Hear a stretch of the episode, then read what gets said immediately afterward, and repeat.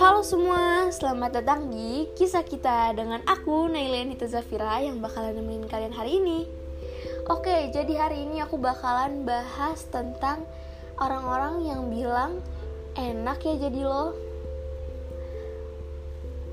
Biasanya orang yang bilang enak ya jadi lo itu dia nggak tahu banyak tentang kehidupan kita.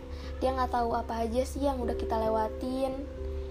Dan seberapa banyak kesedihannya kita udah lewatin seberapa banyak perjuangannya yang kita udah lewatin dia nggak tahu semua itu.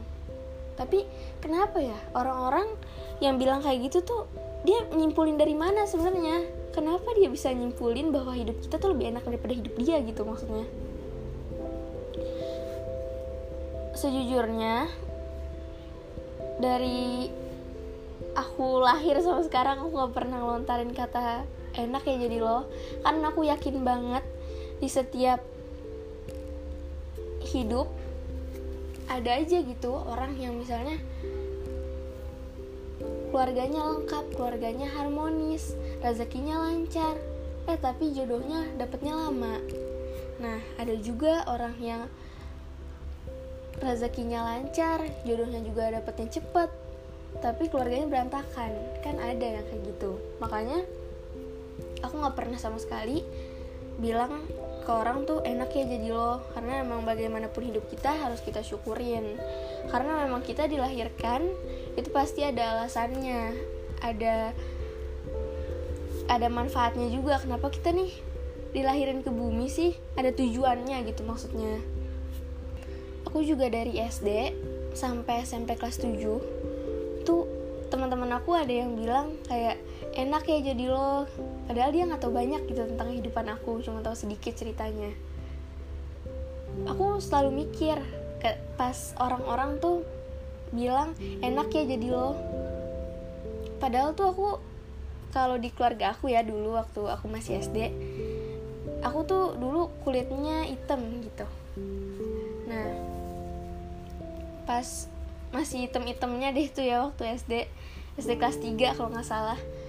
Aku tuh sering dibilang sama keluarga aku kalau lagi acara keluarga gitu. Item banget sih makanya jangan main panas-panasan. Terus juga jangan main layang-layangan mulu. Padahal aku emang kalau pulang sekolah tuh emang siang aku juga nggak pernah pakai sunscreen. Dan juga emang warna kulit aku begini gitu. Sampai sekarang pun aku aku jadinya so matang kalau sekarang. Kalau dulu tuh emang hitam dah. Makanya aku di sekolahan tuh selalu minder sama teman-teman aku. Karena ya kulit mereka beda gitu dari aku. Biasanya kulit yang kayak aku itu kulit cowok-cowok di kelas aku. Padahal teman-teman aku tuh nerima aku apa adanya gitu. Cuman aku masih minder aja gitu karena kulitnya beda sendiri. Makanya aku bingung kok dia bisa bilang enak ya jadi lo? Padahal dia nggak tahu cerita itu gitu. Kalau aku kadang-kadang kalau ada acara keluarga suka digituin. Terkadang juga orang yang biasanya bilang ke kita enak ya jadi lo? Selain dia nggak tahu banyak tentang kehidupan kita dia juga biasanya cuman ngeliat hasil kita aja gitu. Contoh nih ada selebgram atau youtuber gitu. Terus si netizen ini si netizen A misalnya gitu ya bilang iya enak banget jadi kakak udah jadi youtuber punya duit banyak. Aku pengen deh jadi kakak gitu. Padahal dia nggak tahu gitu perjuangannya apa aja yang si youtuber ini udah lewatin gitu yang si selebgram ini udah lewatin tuh apa aja? Karena di setiap kehidupan kayak yang tadi aku bilang ada plus dan minusnya sendiri gitu. Jadi kalau menurut aku ya aku nggak pernah mau juga gitu buat jadi kayak eh pengen deh jadi si A eh pengen deh jadi si B. Karena kan mereka mereka semua ini nggak mungkin full nyeritain kehidupannya ke kita pasti diseleksi dulu lah apa sih yang mau diceritain. Begitupun konten creator begitupun selebgram. Pokoknya pesan aku di podcast kali ini kita harus bersyukur dengan kehidupan kita. Kita dilahirkan dalam keadaan apa pun tetap harus bersyukur. Karena dalam kehidupan juga ada plus minusnya sendiri. Dan mungkin bagi kalian yang ngerasa kayak ya gue hidup kayaknya gini-gini doang. Gue kayaknya juga nggak bermanfaat bagi orang. Please banget jangan ngomong kayak gitu karena kita ini dilahirkan pasti ada sebabnya ada tujuannya. Mungkin untuk saat ini kalian belum berguna buat orang lain.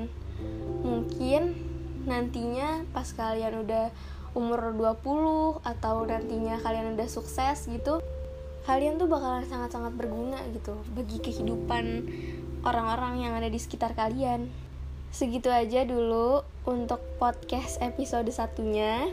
Semoga bermanfaat omongan-omongan aku. Semoga kalian enjoy juga dengerin podcast aku. Dan jangan lupa follow Instagram aku di @nailazafira, A-nya 2. Semoga kalian enjoy dengerin podcast aku kali ini dan podcast aku seterusnya. Ditunggu untuk podcast aku seterusnya and have a nice day semua.